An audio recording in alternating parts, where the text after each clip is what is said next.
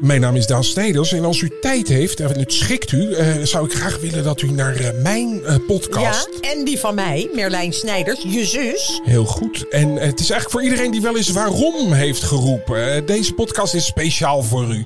We hebben het over wetenschappelijke onderwerpen, waar jij niet alles vanaf weet, maar dat is niet erg. Ik kijk naar mijn Daarvoor zus. zit ik je naast We je. hebben het over de biologische klok, het heelal, emoties, geur, van alles wat. Iedere donderdag verrukkelijke wetenschap. Nu in je favoriete podcast-app.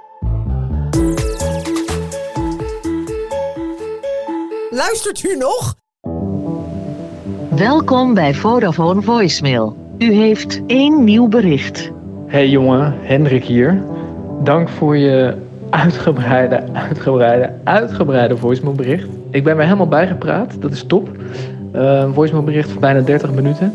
Het overkomt eh, me ook niet zo heel vaak. Wat is er veel gebeurd de afgelopen twee weken? Hè? En dank dat je nog even de honneurs hebt eh, waargenomen. Ehm, ik denk ook misschien dat het nu wel tijd wordt om ook voor jou lekker op vakantie te gaan.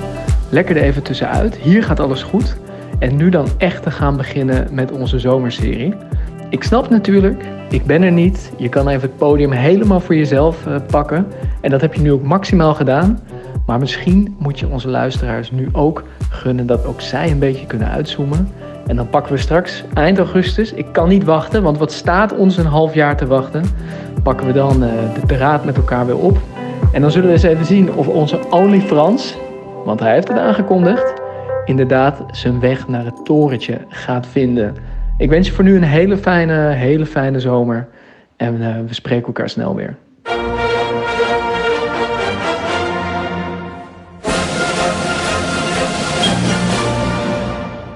Het is zomer en zoals zoveel Nederlanders trekken ook wij Europa in. Jaarlijks vieren bijna anderhalf miljoen Nederlanders hun welverdiende vakantie in Italië. En vandaag reizen we hen achterna. Mijn naam is Sander Heijnen en welkom in de BV Italië.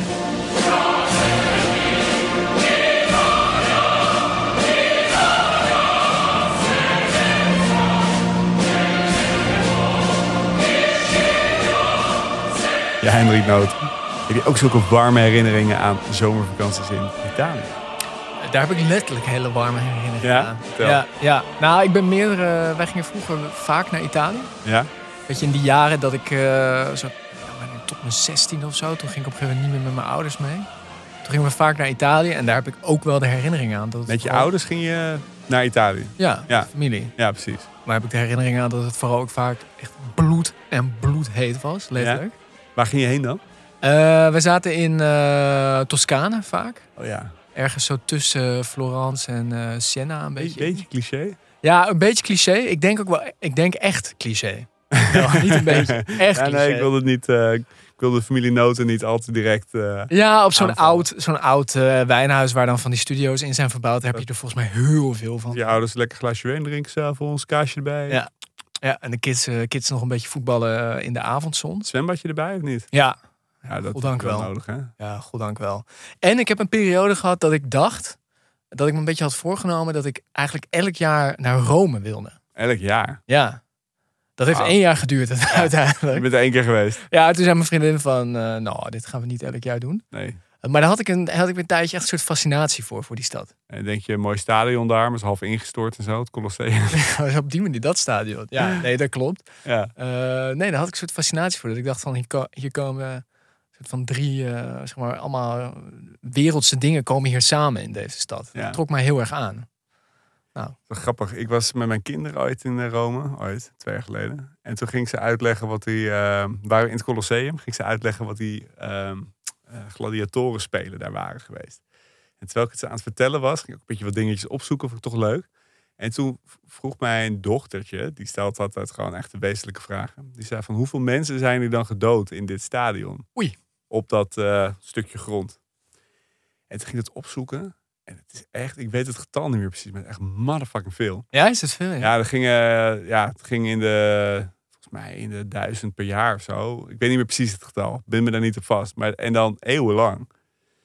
Eh, zeker als je de verschillende amfitheaters bij elkaar optelt. Maar, maar, maar ik kwam toen een beetje tot de conclusie. Wil je het cijfer hebben of niet? Ja, ja, graag. Historici schatten dat in de loop der eeuwen, hebben we het wel over lange tijd, Ja.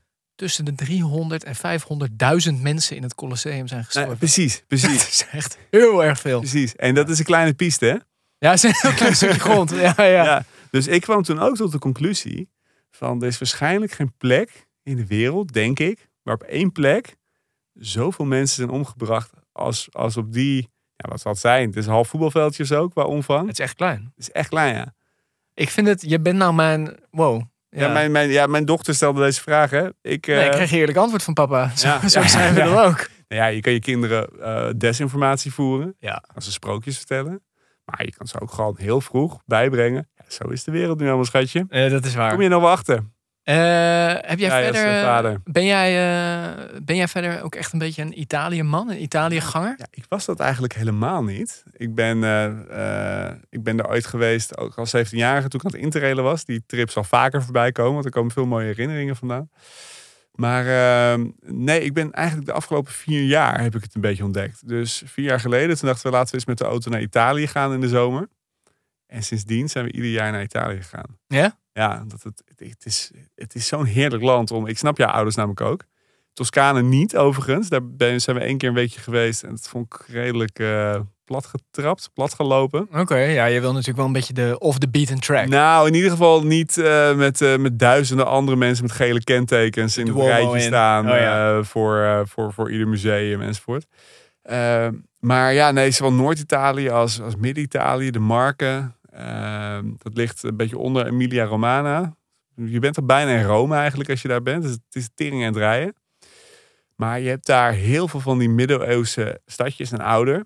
Eh, je hebt daar veel lokaal toerisme, Italiaans toerisme, maar niet zo heel veel toerisme van buiten. En dat leidt ertoe dat als je daar gaat eten, dat relatief betaalbaar is en heel lekker. Want ben jij, dat is, dat is goed, leuk dat je dat zegt. Ben jij zeg maar iemand die dan, als je dan daar gaat eten en zo, ook wel echt respect hebt voor de Italiaanse cultuur? Zeker. Of- of Oude respect Mag voor de jij, cultuur. mag jij nog wel eens een ananasje op je pizza gooien? Nee, nee, nee. nee, Nee, we komen ook niet op plekken waar veel ananas op pizza zit. Dat is het leuke als je dus een beetje in die, in die gebieden bent waar wel Italiaans toerisme is. Dan heb je wel veel voorzieningen namelijk. Want Italianen gaan graag uit eten. En ook graag twee keer per dag volgens mij. Je kan in ieder geval eh zowel 's middags als 's avonds dan uitstekend eten. Ja. Maar juist die, eh, die Italiaanse keuken, die, die oorspronkelijke Italiaanse keuken, die is zo goed. En dan heb ik een zoontje die al van kleins af aan een hele avontuurlijke eter is. Dus als er ergens een slak op een menu staat, wil hij die slak proeven. Als er ergens een octopus staat, wil hij die octopus proeven. Ja, Dappere man, heel goed. en allemaal dierenrechtenactivisten die denken van... eh, hij eet thuis meestal gewoon eh vega. Maar eh, helaas, net als ik... hè, principes en smaken Ja, wel eens botsen met elkaar. Maar, maar dat terzijde.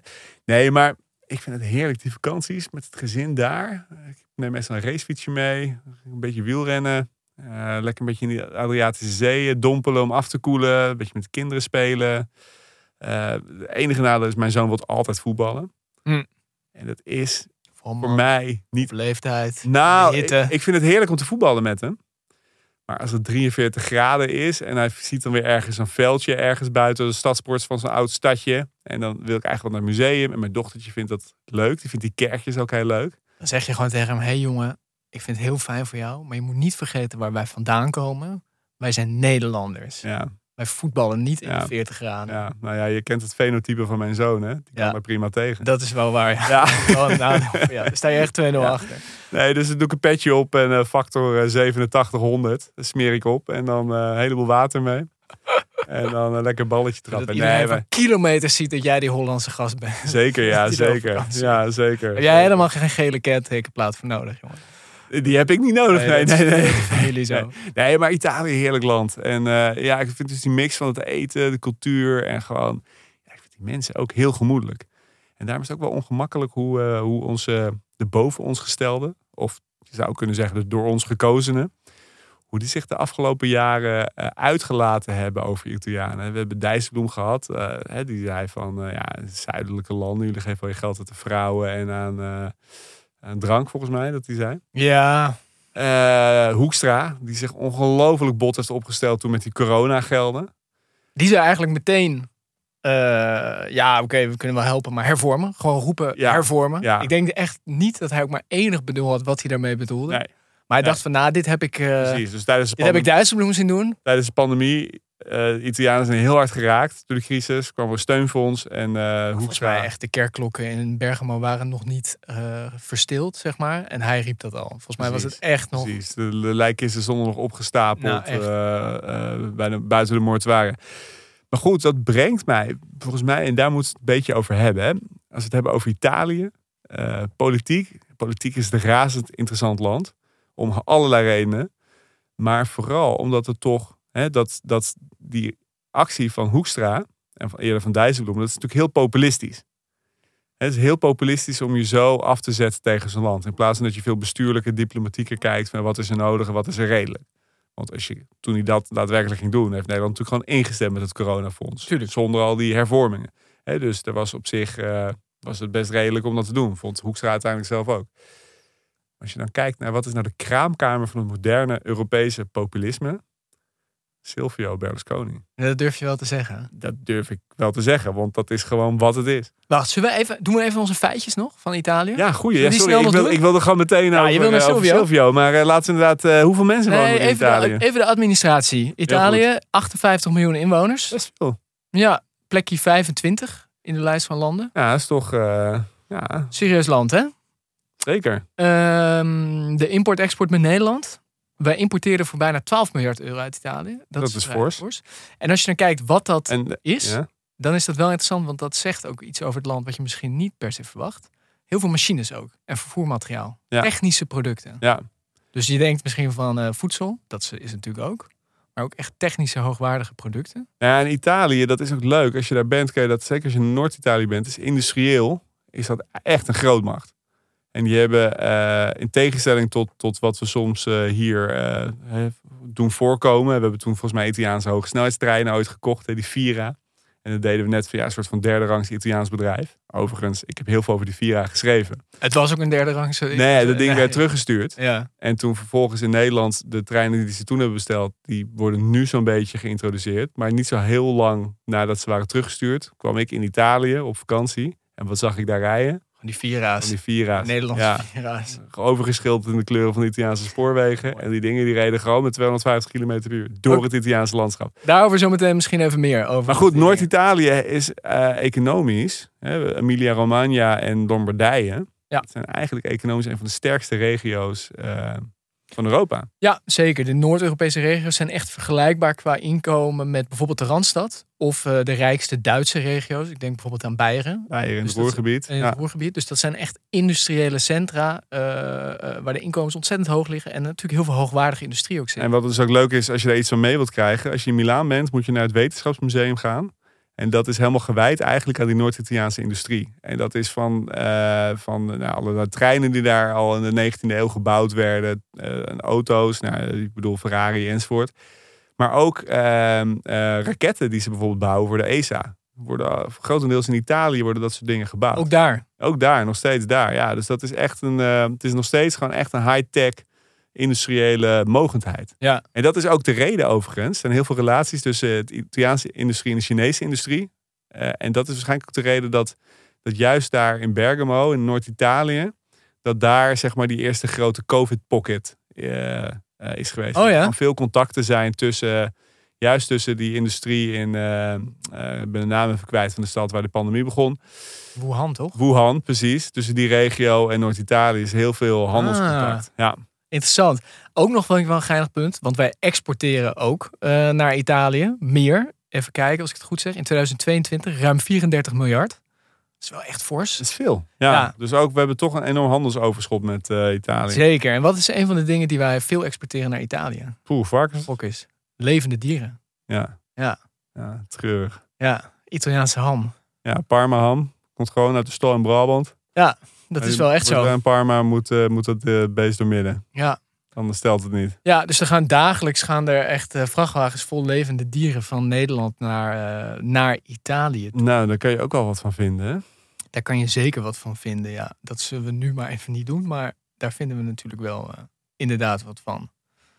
Oké. Ehm, nou, mooi. En dan, ja, wat regeert er nu in Italië? Ja, ja, dat maakt het een beetje ongemakkelijk. Maar maakt ook de bron, eh, de, de sprong straks naar Silvio eh, voor de hand liggen. ja, vind ik leuk. Sinds eh, september vorig jaar is de regering van Giorgia Meloni aan de macht. Ja. Leider van de rechtse Fratelli d'Italia, broederschap van Italië, broeders van Italië, een van die twee. Klinkt sympathiek. Klinkt sympathiek, ook wel als je die titel hoort dan de fijnproever voelt al wel dat er misschien ook wat eh, historische wortels Ze zijn. noemen zichzelf een postfascistische partij. Ja, en dat is natuurlijk het, inderdaad het punt. Het is een zeer, het is de meest rechtse regering die Italië ooit gehad heeft. En de, haar partij Ja, heeft... na de oorlog dan. Ja, nou goed. ja, wel een belangrijk, er wel bij belangrijke toevoeging. Ik- sinds het begin van Is de wel eens- moderne is wel eens beschaving. erger geweest. Ja. Eh, maar haar partij heeft wel wortels inderdaad naar de fascistische partij. Eh, Ja, eigenlijk is gewoon het, met vlaggetjes van de Mussolini in de hand gestaan als, eh, als meisje. ja, ja, ja, ja, jeugdzonde.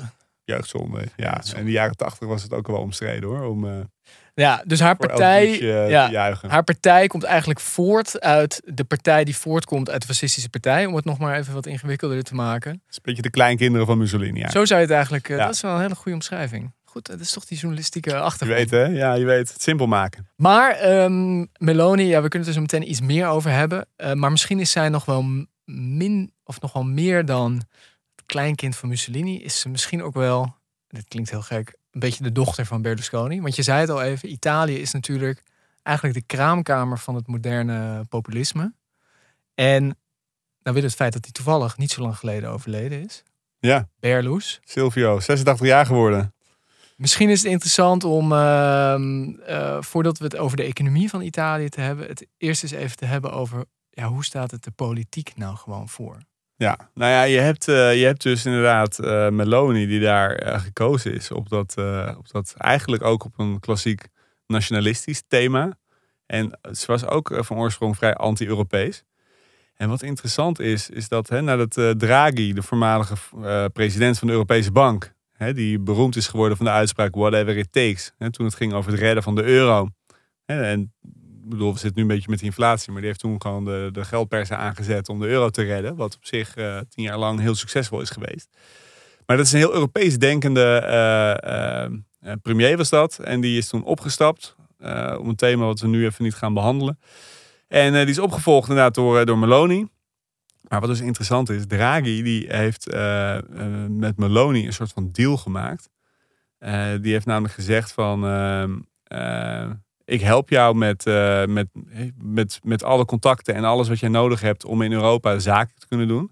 En zij heeft Europa voor een aantal dossiers heel erg nodig. Ten eerste die coronasteun. Ja. Geld uit die fondsen. Daarvoor moet zij gewoon... Ja, dat geld komt niet uit Italië, het komt uit Europa. Dat wordt door de EU geleend. Dus Italië is een van de 27 landen die daar eh, borg voor staat. Maar zij krijgen natuurlijk, omdat ze ernstig geleden hebben, daar een relatief groot deel uit.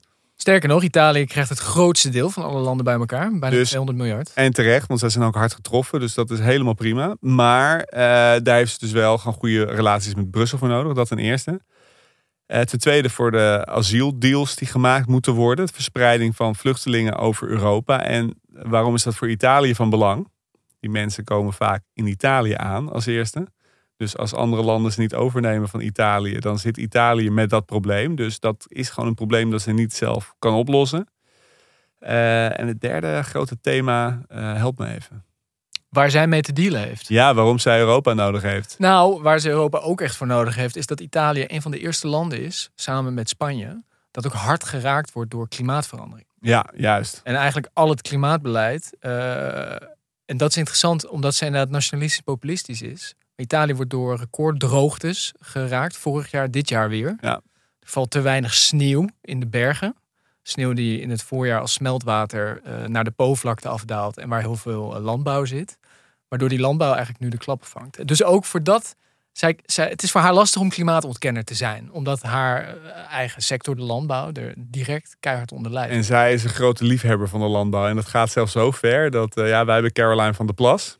Maar eh, eh, die, die, die, die strijdt ook voor allerlei boerenbelangen. Maar zij heeft al gezegd dat ze een wet wilt maken eh, die het verbiedt om kweekvlees überhaupt te consumeren en te verhandelen in Italië.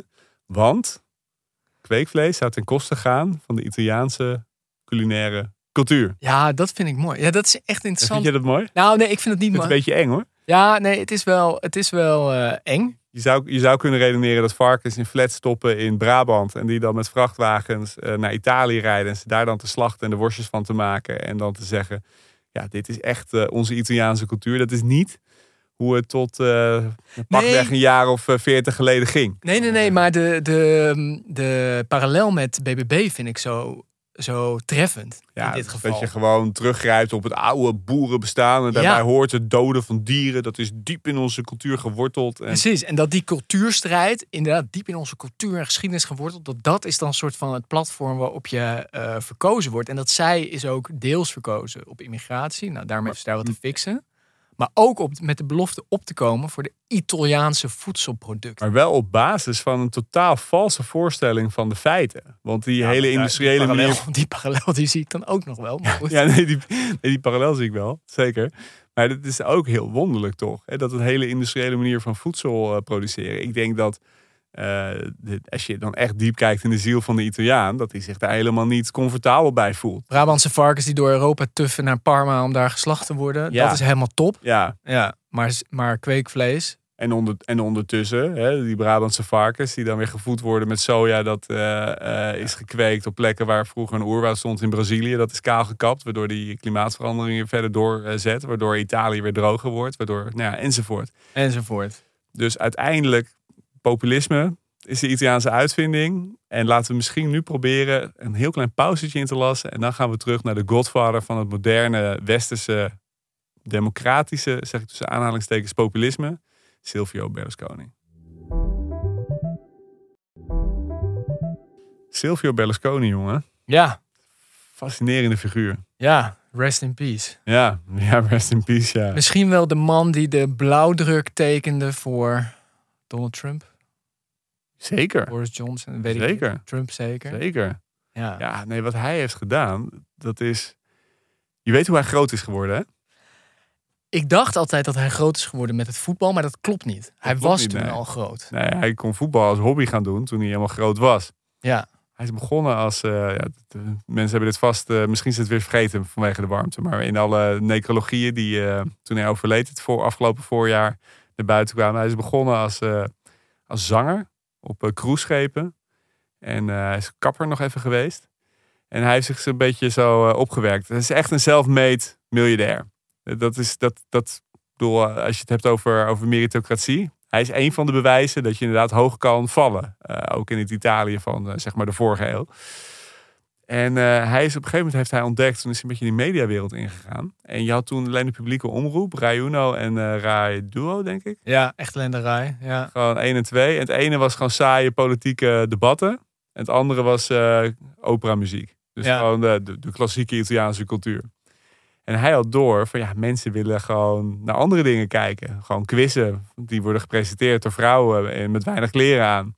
Een beetje het, het- Was hij een beetje de, de, eigenlijk de Tim de Gier van de Italiaanse 20e eeuw? Zou ik dat zo kunnen zeggen? Tim de Gier. Jezus, voor de luisteraars die niet weten dat dat de basis is van Podimo Nederland. Eh, ja, je zou kunnen zeggen John de Mol. Oh, Oké, ja, sorry, ja, sorry Tim. Misschien is dat wel eh, John de Mol die dan wel succesvol ook zenders weet uit te bouwen. hè. Dus hij was niet per se van de formats, maar vooral ook had gewoon zenders. En hij heeft eigenlijk een heel groot media-imperium gebouwd. En hij liet dingen zien die mensen wilden zien. Dus hij had heel goed vingerspitsengevoel, om maar even goed Italiaans woord eh, te gebruiken, Ja, precies. voor wat het volk wil. Ja, ja dat, die oude meuk van die publieke omroep. Ja, klaar ermee. Niet gewoon die saaie, eh, eh, pedagogisch verantwoorde meuk, maar inderdaad gewoon, eh, gewoon quizjes en spelshows die avonden duren. Met, eh, met inderdaad veel rondborstige vrouwen. En eh, ja, ik denk dat hij gewoon maakte wat hij zelf fijn vond om naar te kijken. En eh, met hem heel veel Italianen. En uiteindelijk had hij ergens in de jaren 80, begin 90, had hij gewoon eigenlijk het merendeel van de Italiaanse media in handen. Wat ik heel saillant detail vind, is dat hij dat media-imperium is deels heeft kunnen opbouwen, omdat hij behoorlijk gunstige eh, en hele grote leningen kreeg. Bij vooral de socialistische banken. Ja. Die had je toen nog, hè, natuurlijk, eh, die voortkwamen echt uit de socialistische beweging. Dankzij zijn vriendschap met eh, een politicus die later ook socialistisch premier zou worden in Italië.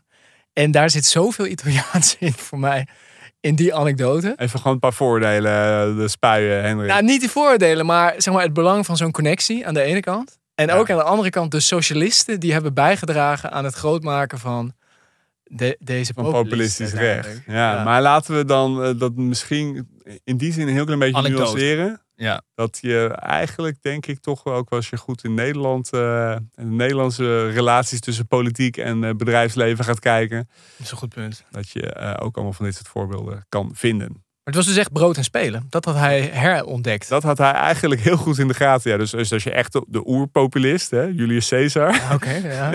Hè? Hij stond op de schouders van reuzen. Zeker, zeker, Ja. zeker. Dus hij zette dat goed door. En hij is twee keer zo oud geworden als Julius Caesar. Nou, denk ik niet dat hij over twee eeuwen, millennia nog herinnerd wordt. Maar althans, dat hoop ik. Ehm, maar in ieder geval, eh, ja, hij heeft dat dus eh, ontdekt. En vervolgens is hij, eh, heeft hij een zijstap gemaakt. Hij heeft zijn imperium gebruikt en zijn geld om een voetbalclub, AC Milan, te omarmen. En dat was echt een Achenebbes club eh, geworden. Helemaal in het verval. Nou, daar heeft heel veel geld in gestoken. Heeft hij eh Marco van Basten onder meer gehaald, Ruud Gullit, Frank Rijkaard. Daar is hij rijk mee geworden. Steenrijk.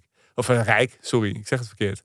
Daar is heel successvol mee geworden. En Ja. populair is hij daarmee Populair, ja. geworden. Hij heeft dus gewoon voetbalfans, hè, de Spelen. Die heeft hij eh, eh, achter zich weten te, te scharen. Zoals Dirk Scheringa dat later ook met AZ heeft gedaan. Weet je nog? Ja, Dirk ja. Scheringa, de Nederlandse bankier, de man achter de DSB-bank. En die eh, een tijdje, toen hij AZ kampioen maakte en Van Gaal had gehaald als trainer en eh, allemaal goede spelers. Die werd toen ook even op handen gedragen door mensen die die, en dat is misschien ook wel een aardige parallel, die die gewoon volledig had genaaid met hun hypotheken. Ja. Want Scheringa heeft echt veel mensen financieel in de ellende gestort. Maar goed, we hebben het niet over scheren gegaan. Maar, We hebben het over Silvio Berlusconi. maar dus dat is fascinerend. Hij werd populair met die voetbalclub. En vervolgens stichtte hij zijn eigen politieke partij. Nou ja, en dat is dus op een gegeven moment, hij, moest, hij had een groot zakenimperium en hij moest gewoon dingen politiek geregeld krijgen voor zijn zakenimperium. Voor zijn mediabedrijven, voor zijn voetbalclub, had volgens mij nog andere bedrijven ook. En hij had bedacht, de kortste route om dat te regelen, is als ik het zelf ga regelen. dat, is ook gewoon, dat is ook een heel goed idee. Je kan wel gaan lobbyen, maar als je mediakanalen in handen hebt en je hebt eindeloos middelen en je hebt fans en hardcore fans, ja, waarom dan niet, gewoon zelf? En hij was zelf mee. Ik bedoel, hij deed dingen graag zelf. En toen heeft hij dus een peiling gedaan van waar zit het gat. Dus hij had niet zelf een groot idee van ik wil deze kant op met het land. Hij heeft dus gewoon een peiling georganiseerd, laten uitvoeren door een bureau, focusgroepen van Mark Rutte Ja, van waar zit het gat? En toen kwam je tot de conclusie, op rechts, populistisch rechts, daar zit ruimte. Dus je zegt, het is heel cynisch dat we zijn mediabedrijven kunnen opbouwen met leningen van eh, socialistische banken. Als het gat op links had gezeten, was hij daarin gestapt. ja. Dus het was gewoon heel... gewoon niet. Nee, dus het is gewoon echt populisme puur sang. Gewoon kijken waarmee regelen. kan ik populair worden Ja. bij gewone mensen die op mij kunnen stemmen. Ja. En toen vervolgens is zijn boodschap, en hij moest iets regelen. En vervolgens is zijn belofte geweest. Van, kijk, al die politici, je hebt heel veel corruptieschandalen gehad in Italië. Hè? Om toch maar weer een ander voor eh, stereotype eh, te noemen. Er zijn heel veel corruptieschandalen geweest in Italië in de jaren 70, 80. En zijn belofte was een beetje, ja, ik ben een miljardair. Dus ik hoef het niet voor mezelf te doen. Ik hoef niet meer rijk te worden, ben ik al. Weet je wat Trump ook heeft gedaan Ja, later? ja, ja. Gewoon zeggen, ja, een maar beetje, letterlijk diezelfde pitch. ik ben al heel erg rijk. Dus eh Ja, vertrouw me maar, daar doe ik het niet maar, voor. ik doe ja. het voor jullie, ik ga Ja. jullie ook rijk maken. En dat was zijn pitch. En vervolgens zat hij daar natuurlijk om gewoon vooral shit voor zichzelf te regelen. Maar met die belofte, in combinatie met dat hij allemaal mediakanalen had die echt groot waren, waardoor hij gewoon in een liberale democratie gewoon echt het verhaal over zichzelf, de mythe over zichzelf, volledig aan een in ieder geval een groot deel van de kiezers kon dicteren. Ja. Ja, dat heeft hij als allereerste ontdekt. En later, door de opkomst van sociale media, werd het natuurlijk steeds makkelijker voor populisten om het na te doen, om een eigen mediakanalen en een eigen rechtstreekse eh, relatie te bouwen, zonder dat het werd eh, gefilterd door lastige journalisten die kritische vragen en kanttekeningen stelden. En hij heeft dat dus nog gedaan in de oldschool wereld zonder sociale media. Ja.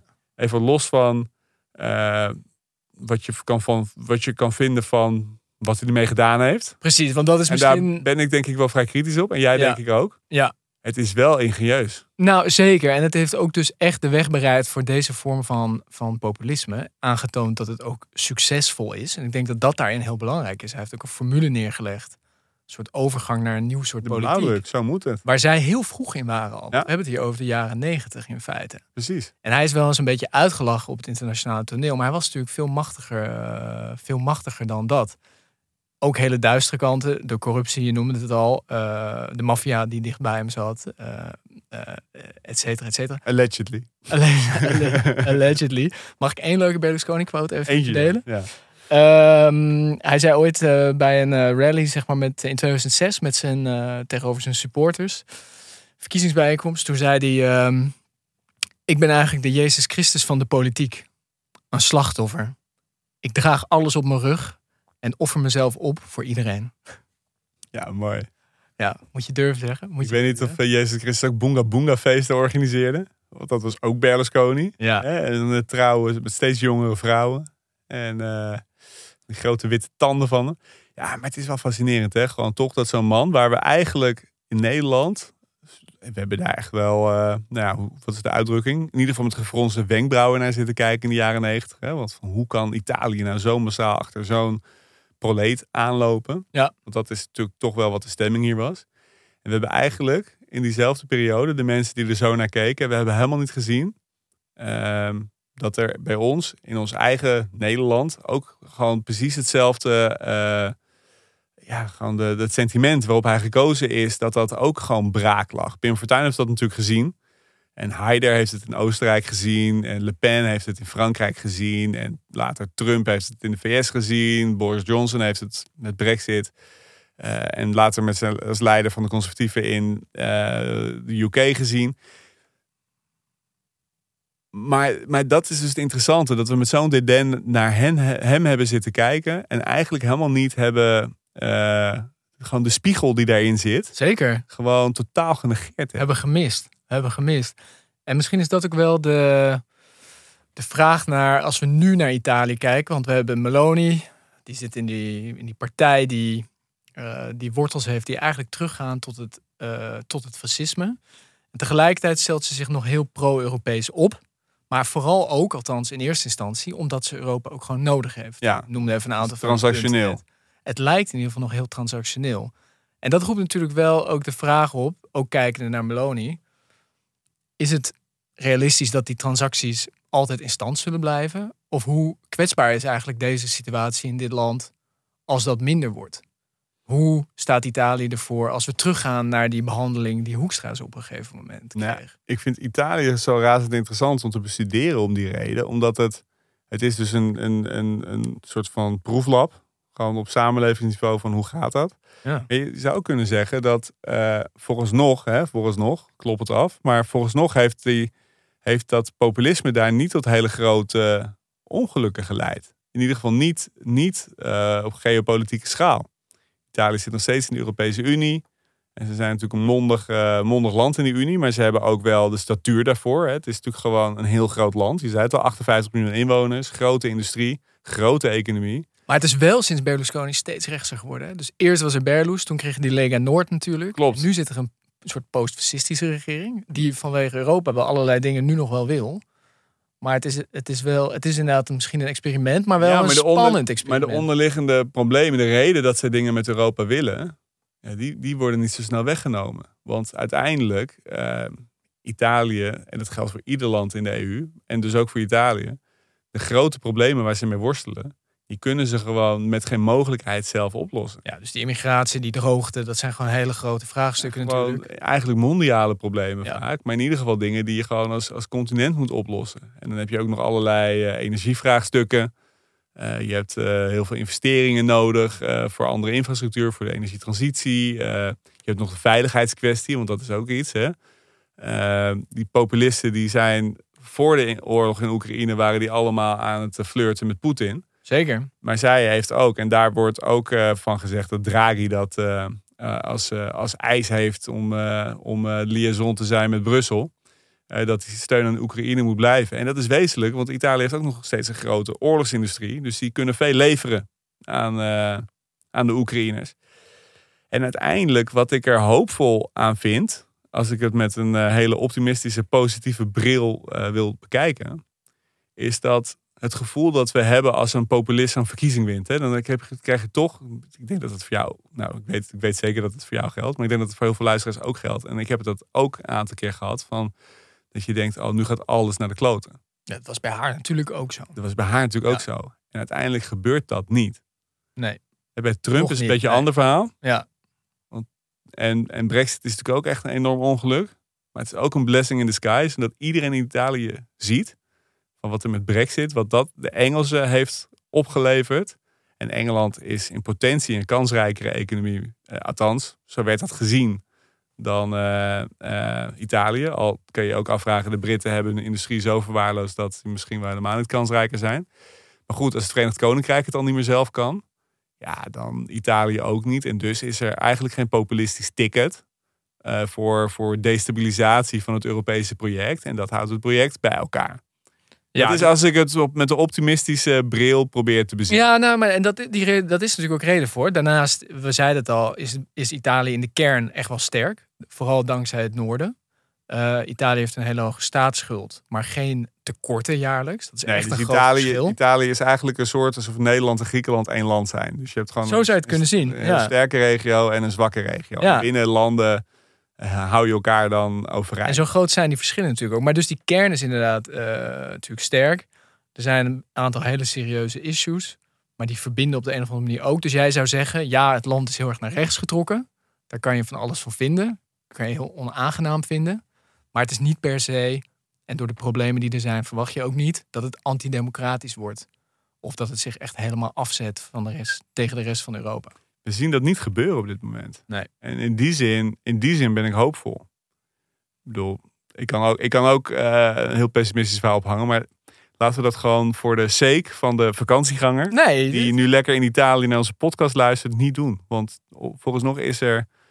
eh, veel lichtpunten in Italië wel. Ja, ja. Wel iets minder vrachtwagens uit Brabant naar Italië. Dat zou ik zelf wel chill vinden. Maar... Zeker, maar ik kan je wel vertellen, één gezin dat deze zomer met heel veel plezier eh, in het autootje over die autobaan door, eh, hoe heet die tunnel in Zwitserland? Gotthard. Gotthardtunnel. Ik hoop dat die klaar is trouwens. De familie Heijnen zit ook. We hebben eh, afgelopen jaren wel lange files voor de Gotthardtunnel. Oh, gehad, jongen, man. Ja, ja, ja, Nou. ja dat, dat, dat, dat, dat je niet denkt dat niet vliegen alleen maar leuk is. Zo, precies. Dat het even gezegd is.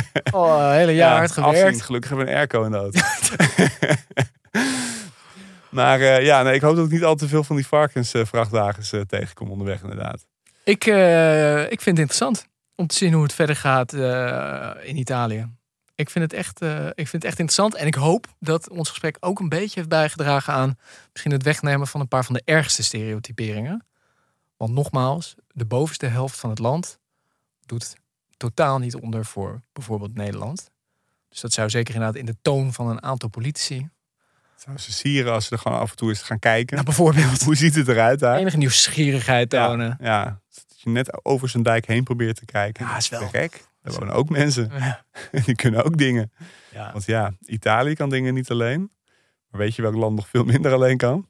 ja, wij Nederland. moeten wel ergens naar exporteren natuurlijk. Ja, Als het geen varkens zijn, dan iets anders. Maar Alleen dat al, ja. vrachtwagens moeten wel blijven rijden. Ja, ja, ja. Oké jongen, ik vond het leuk in Italië. Ja, ik ook. Eh, ik zou zeggen, heb je nog tips? Maar ik vind dat je aan het begin al zo'n eh, lofzang hebt gedaan op, op alles wat je er mooi aan vindt, dat we dat misschien gehad hebben. Ja, en je kan dus jaren en jaren achter elkaar naar Italië. En iedere keer vind je weer mooie nieuwe dingen. Hartstikke mooi. Kom vooral niet naar de marken, want daar zit ik eh, nog een beetje eh, authentiek lastig. Italiaans gevoel te beleven. Heel goed. Ik vind het altijd een heerlijk sentiment van mensen die dan op vakantie gaan, maar dan geen andere Nederlanders willen Nee, tegenkomen. Duitsers en Fransen prima. Ja. Ja, Ja, want hier ben ik. Eh, mooi. Zullen we afronden? Goed jongen. Nou, eh, dan zeg ik eh, dank voor het luisteren. Volgende week een nieuwe aflevering. Eh, wil je ons ondertussen iets laten weten? Heb je vragen? Stuur dan even een mailtje naar bvnederland.creator-podimo.com. Schitterend e-mailadres. Oh, ik hoop dat we hem nog een keer mogen wijzigen. Ja, of, of gewoon vertalen in het Italiaans. Tot die tijd staat het in de show notes. En volg ons op de socials. Instagram bijvoorbeeld BV Nederland. LinkedIn Hendrik Noten. Sander Heijnen. Daarmee gezegd tegen jou en iedereen die luistert. Tot volgende week. Volgende week jongen. Vind je deze podcast leuk? Probeer dan ook eens De Rode Lantaarn, de wielerpodcast voor bankzitters. Twee keer per week praten we je bij over alles wat er in en om het profpeloton gebeurt. Juist, vertel het aan al je kameraden. Luister De Rode Lantaarn.